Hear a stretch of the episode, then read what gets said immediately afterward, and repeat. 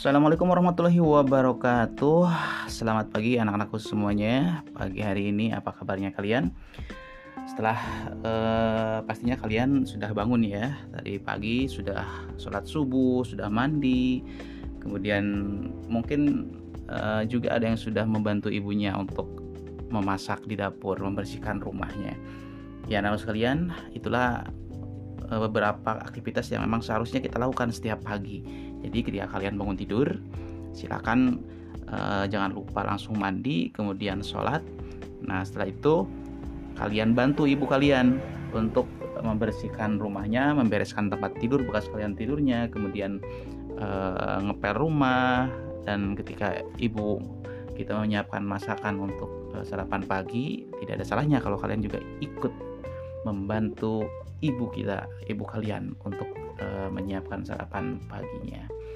Oke, anak-anakku sekalian, pagi hari ini kita akan memulai kegiatan pembelajaran kita dan di semester 2 uh, eh, awal ini kita akan memulai pembelajaran di tema 6 ya, karena semester 1 kemarin sampai tema 5. Nah, jadi pada pagi hari ini kita akan belajar mulai dari tema 6. Tema 6 subtema pertama di pembelajaran pertama. Nah, anak-anakku sekalian, di tema 6 ini adalah tema tentang menuju masyarakat sehat. Nah, berarti nanti kita akan banyak berbicara tentang bagaimana membangun masyarakat yang sehat. Kenapa ini penting? Ya, sangat penting sekali. Apalagi sekarang ya di zaman eh, di masa-masa pandemi corona ini, ini sebetulnya salah satu hikmahnya kalau kita uh, cermati ini salah satunya adalah bagaimana Allah menegur kita supaya kita menjadi orang yang sehat ya. Mungkin kalau zaman dulu yang namanya 3M itu jarang kita perhatikan. Kita jarang sekali mencuci tangan. Kalau sudah dari mana-mana kita sering jarang mencuci tangan. Kalian pun yang sering main pergi bermain main tanah main apa di mana-mana tangan kita menyentuh banyak benda kemudian pulang ke rumah terkadang kita uh, lupa untuk mencuci tangan membersihkan tangan Tapi dengan adanya corona, uh, hari ini mencuci tangan menjadi hal yang sangat penting. Di mana-mana disediakan tempat mencuci tangan. Kemudian uh, menggunakan masker. Nah, dulu kan sering sekali tuh banyak orang yang uh, menggunakan kendaraan bermotor saja tidak menggunakan masker. Padahal kan di jalan itu karbon uh, dioksidanya luar biasa ya. Debu dari kendaraan uh, yang ada di jalanan itu luar biasa. Dan itu sangat berbahaya untuk paru-paru kita untuk uh, saluran pernapasan kita. Sekarang masker menjadi hal yang sangat penting. Jangankan di jalanan, di rumah saja kita menggunakan masker, ya, atau di kantor-kantor saja. Karena aku sekalian, di tema keenam menuju masyarakat sehat ini kita akan berbicara tentang uh, seputar ya apa yang sering kita temukan di lingkungan masyarakat yang ada di sekolah kita sendiri atau di ada di rumah-rumah kita sendiri. Uh, coba ingat-ingat biasanya uh, di kampung kita itu suka ada beberapa kegiatan yang dilakukan oleh tetangga kita, oleh orang tua kita, bahkan kita sendiri ya. Gitu di antaranya uh, pasti pernah ya di lingkungan masyarakat, di lingkungan rumahnya kalian uh, bertemu dengan suatu hari yang di situ semua orang keluar rumah, kemudian ada yang uh, menuju ke pinggir jalan, kemudian membersihkan uh, sampah atau rumput yang ada di sekitar jalan raya atau jalan kampung. Kemudian membersihkan tempat-tempat pembuangan sampah, membuang air-air yang menggenang di tempat-tempat yang eh, bekas-bekas apa uh, tempat makanan seperti bekas kaleng dan sebagainya. Kemudian kita pun pernah uh, mendengarkan pengumuman tuh pagi-pagi suka ada pengumuman biasanya hari Rabu. Uh, bapak-bapak eh bapak-bapak uh, ibu-ibu yang memiliki anak balita hari ini diadakan penimbangan di posyandu. Nah biasanya di tiap RW kita itu di tiap kampung kita itu ada posyandu. Posyandu itu adalah uh, pos pelayanan terpadu. Dan tempatnya biasanya di balai balai musyawarah ya. Di tempat berkumpulnya orang tua kita kalau bermusyawarah Nah, itu bisa suka ada orang dari puskesmas, pusat kesehatan masyarakat, ya, ada ibu bidannya di situ, ada perawat yang hadir kemudian memeriksa kesehatan balita. Bahkan mungkin kamu pun pernah dulu ya, pasti kita semua pernah ada kartunya tuh namanya KMS, kartu menuju sehat. Nah, itu kegiatan posyandu. Kemudian juga uh, suka ada kegiatan nanam pohon. Ya, nanam pohon. Jadi uh, ada saatnya ketika ayo setiap rumah itu harus menanam pohon baik di depan rumahnya maupun uh, ditanam di pinggir jalan atau di tempat-tempat yang ditentukan oleh Bapak RW, Bapak RT.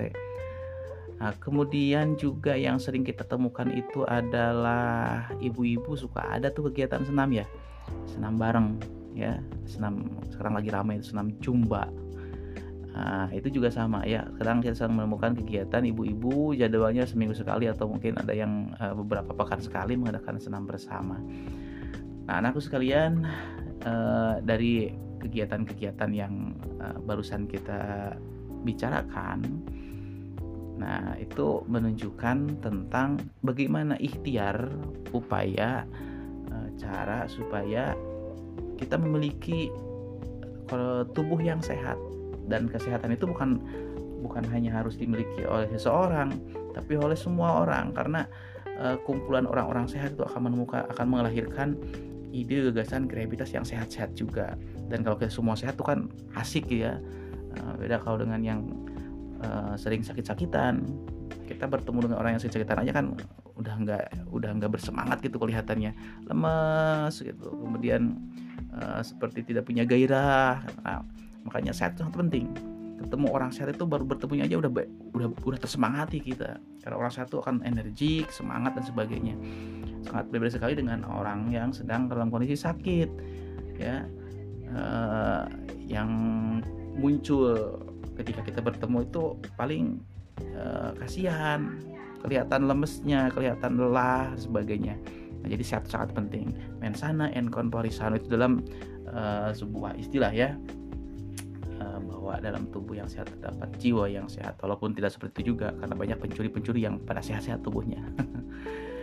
ya teman sekalian, uh, setelah kita berbicara tentang apa yang terjadi atau apa yang sering dilakukan oleh kita tentang uh, beberapa kegiatan sehat tadi itu disebut dengan uh, perilaku hidup sehat perilaku hidup bersih dan sehat atau PHBS ya. Itu sudah lama sekali digulirkan oleh pemerintah kita pola hidup bersih dan sehat. Nah sekarang uh, bapak ingin bertanya kepada kalian nah kira-kira kegiatan masyarakat yang tadi kita bicarakan itu uh, menurut kamu apa tujuannya ya? Secara secara satu persatu kegiatan. Seperti tadi kan ada olahraga bersama. Nah pendapat kamu itu apa kira-kira? Contohnya olahraga uh, bersama itu supaya tubuh menjadi sehat uh, kemudian juga uh, tumbuh kebersamaan antar warga sehingga uh, kegotong royongannya pun kebersamaannya pun bukan gotong royong ya kebersamaan kebersamaannya pun terjadi. Itu olahraga bersama. Nah sekarang uh, menurut kalian apa yang muncul dari kegiatan-kegiatan atau apa manfaat kegiatan yang dilakukan oleh uh, masyarakat di sekitar kalian, sekitar kita seperti yang tadi Bapak sebutkan, ada kegiatan penimbangan balita di posyandu, ada menanam pohon bersama, ada membersihkan uh, lingkungan bersama-sama. Uh, kemudian yang lain-lainnya masih banyak. Silahkan boleh kalian tambah lagi, ya.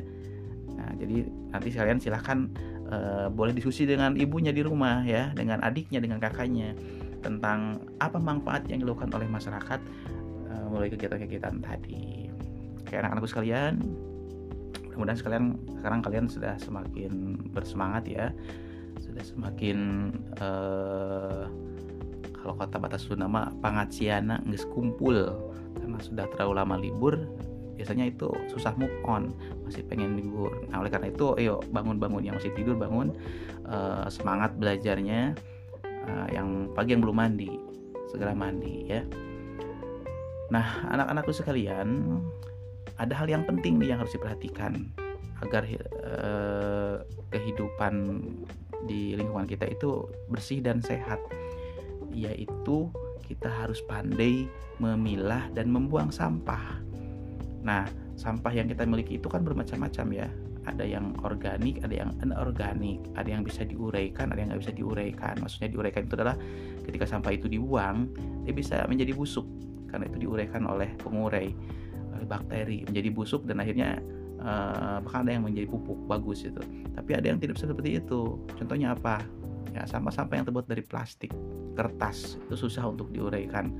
Bagi plastik ya plastik itu menurut hasil penelitian dia baru bisa hancur kalau sudah tertimbun oleh tanah selama 400 tahun. Bayangkan. Jadi kalau kita hari ini buang sampah yang berbentuk plastik di mana saja maka kita sedang mewariskan sampah 400 tahun ke depan. Ya makanya kita harus tahu bagaimana cara membuang sampah yang baik dan benar. Nah sampah yang kita miliki kita harus pilih mana yang akan bisa diuraikan yaitu sampah-sampah yang sisa makanan yang mungkin sayuran daun-daunan itu bisa diuraikan nantinya menjadi busuk dan bisa hilang menjadi pupuk.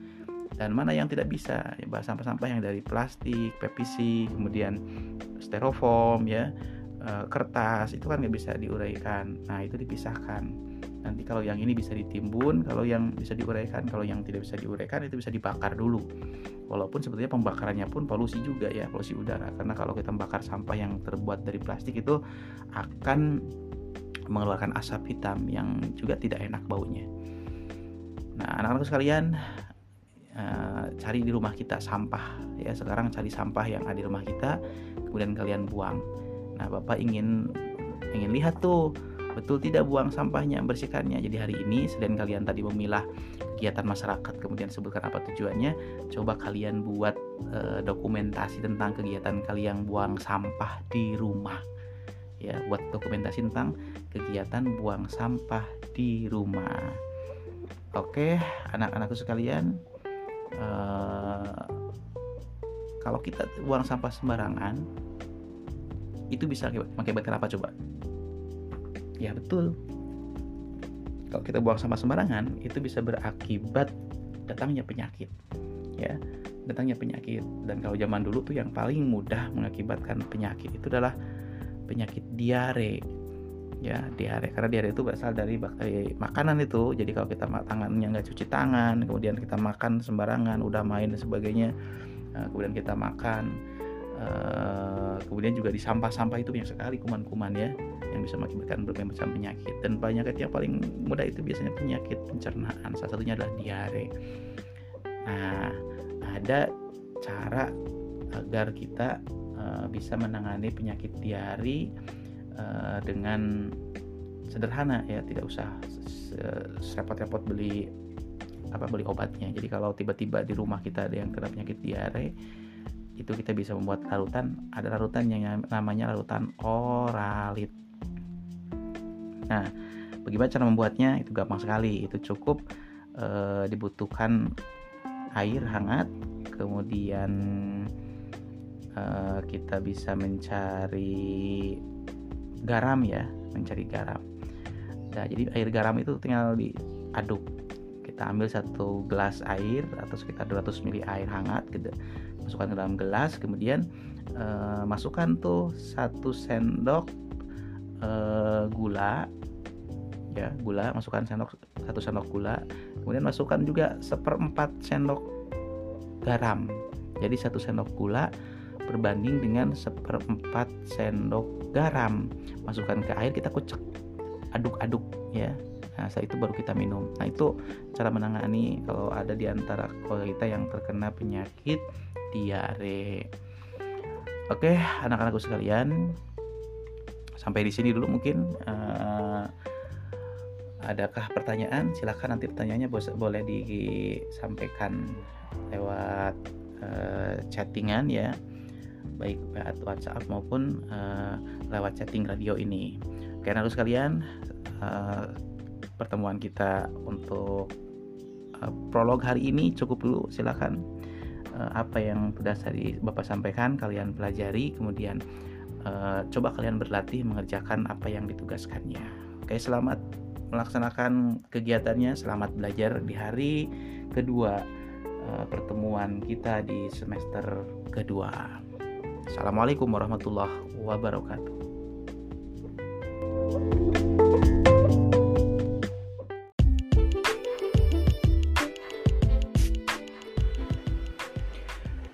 Assalamualaikum warahmatullahi wabarakatuh, anak-anakku sekalian.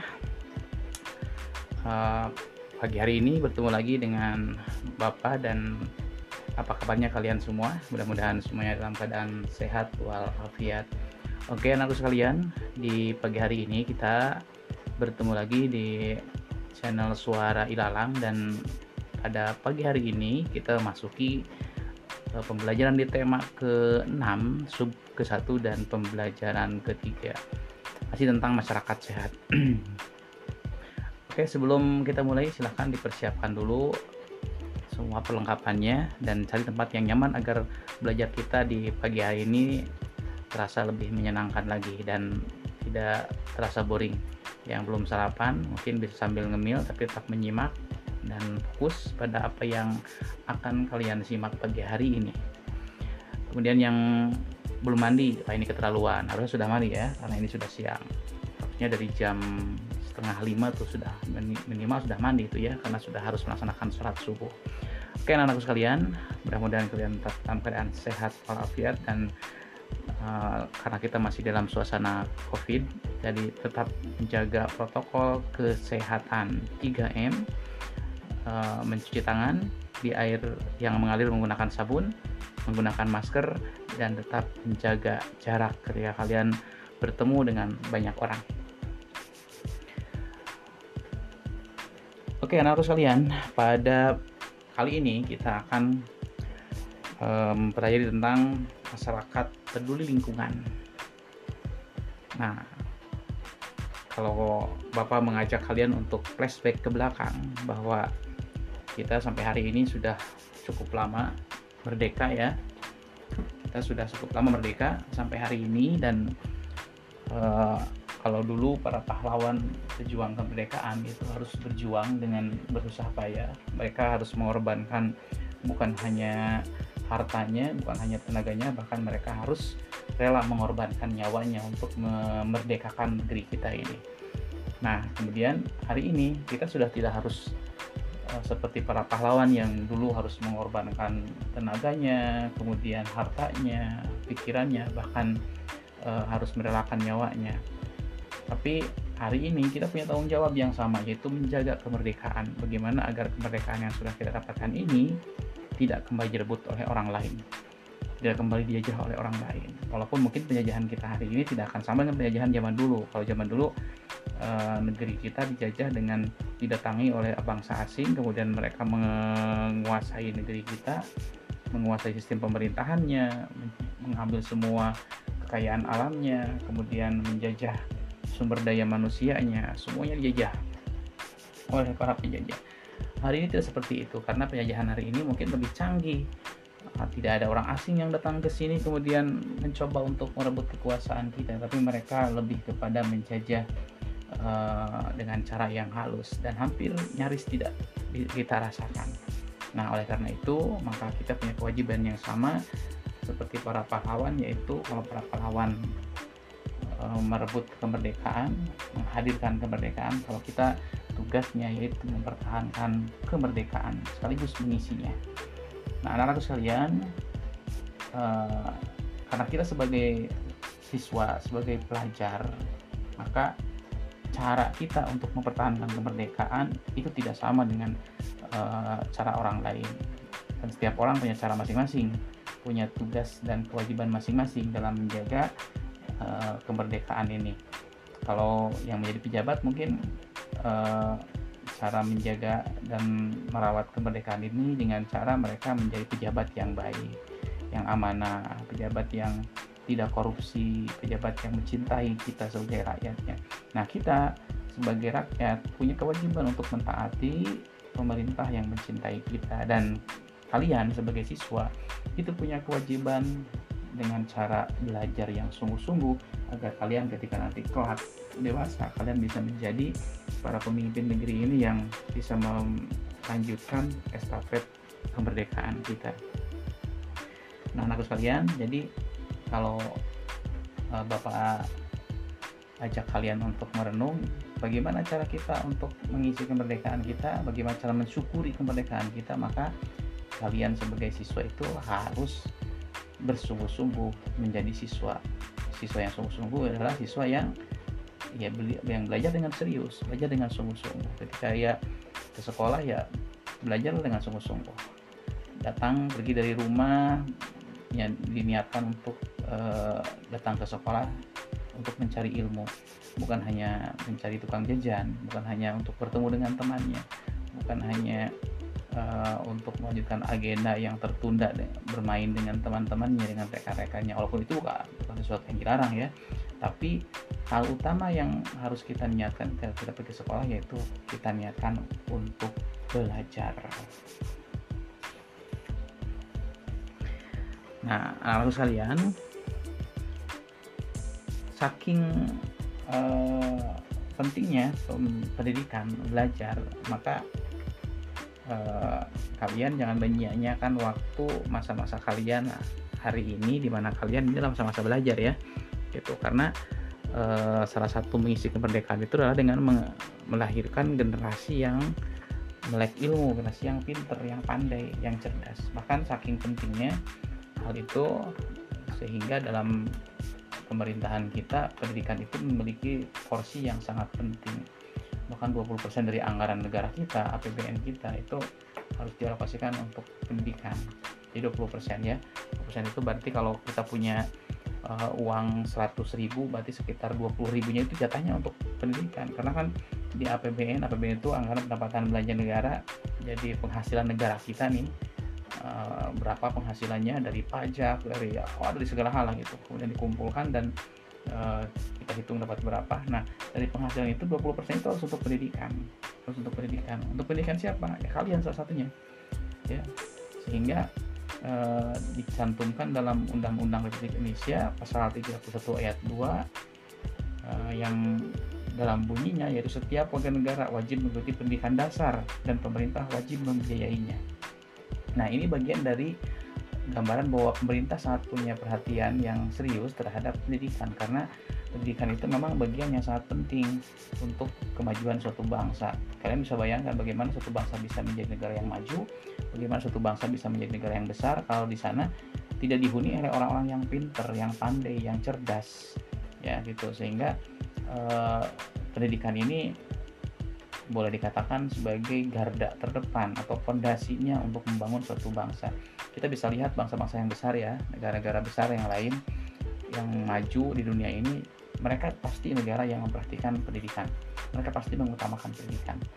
Negara yang mengutamakan yang yang punya keinginan untuk menjadi negara yang besar, maka dia wajib mengutamakan pendidikan.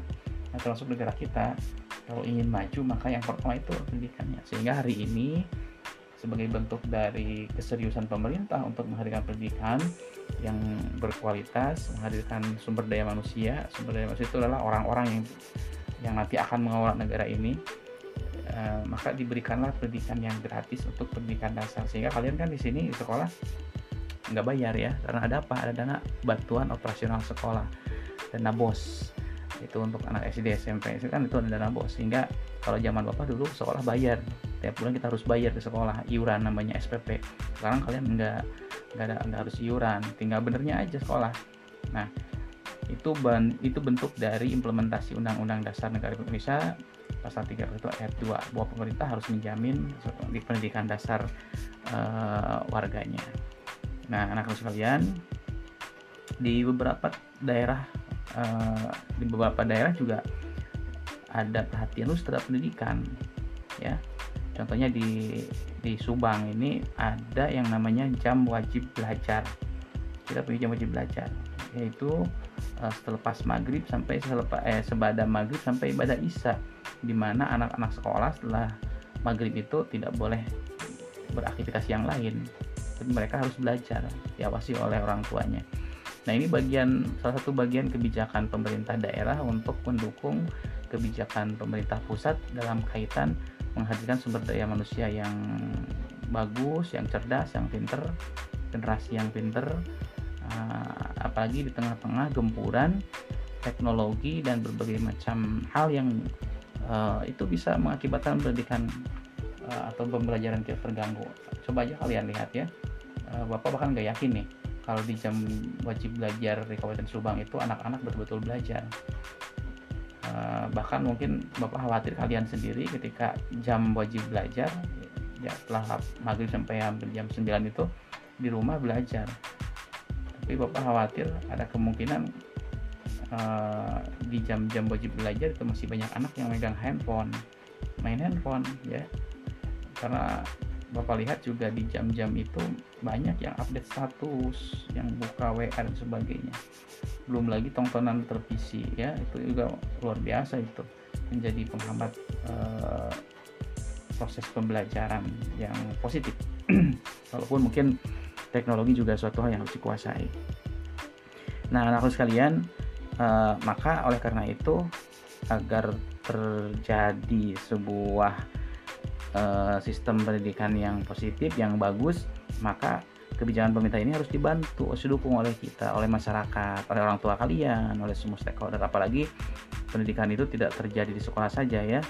Yang namanya pendidikan itu terjadi di mana saja. Kalian itu akan belajar di mana saja. Ya kalian bisa aja sebetulnya ketika kalian naik angkot kalian bisa belajar. Kalian sedang bermain di, di apa di sawah kalian sedang belajar. Karena apa yang kalian lihat apa yang kalian dengar itu menjadi sesuatu yang kalian serap ya dimasukkan ke dalam pikiran kalian dan itu jadi pembelajaran. Oleh karena itu maka proses pembelajaran akan terjadi di mana saja bukan hanya di sekolah.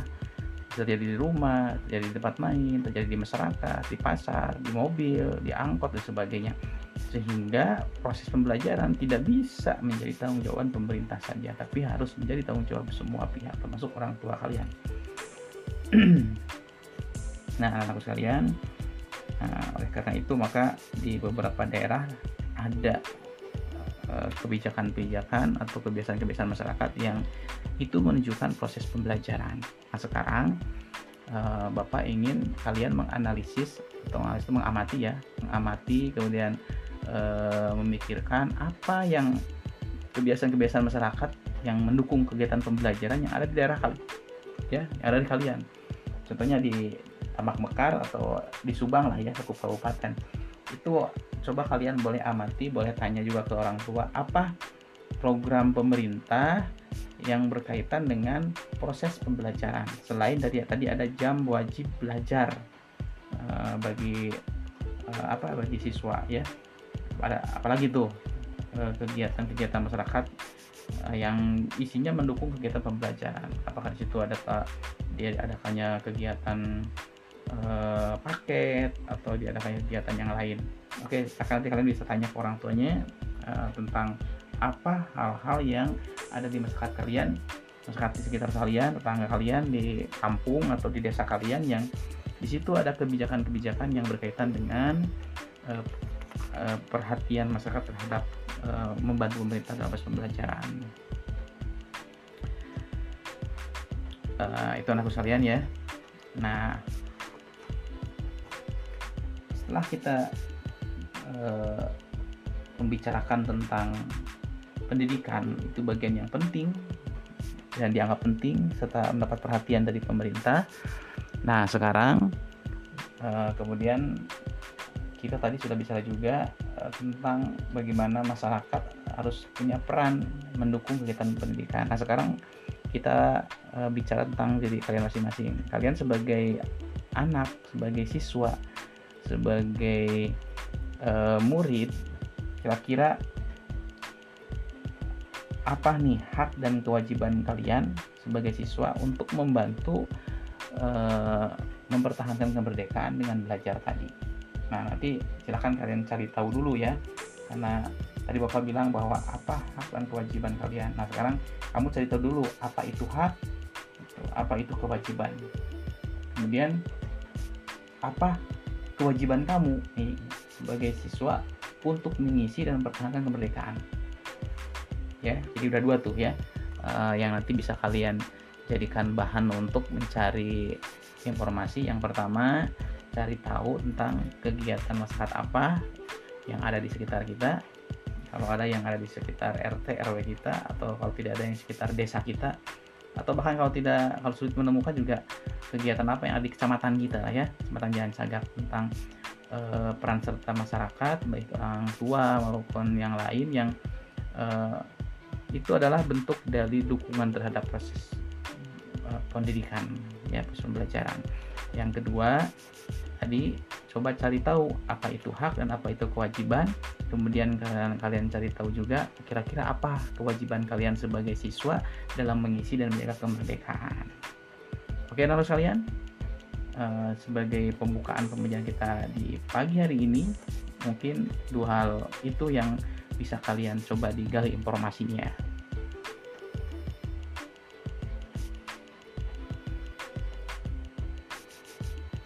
Halo sekalian, sambil menunggu kalian mencari informasi, uh, silakan kalian bisa boleh juga mencari informasinya di artikel baik itu yang ada di internet maupun di media cetak.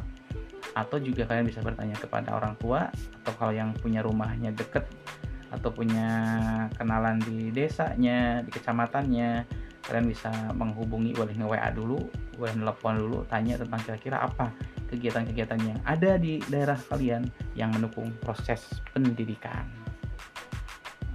Oke, anak kalian, selamat menjalankan uh, tugasnya pada pagi hari ini dan uh, ayo gali informasi sebanyak-banyak biar kalian lebih paham tentang bagaimana proses pendidikan di tempat masing-masing. Sementara bakal tutup dulu untuk uh, pembukaan kegiatan belajar kita pagi hari ini. Assalamualaikum warahmatullahi wabarakatuh.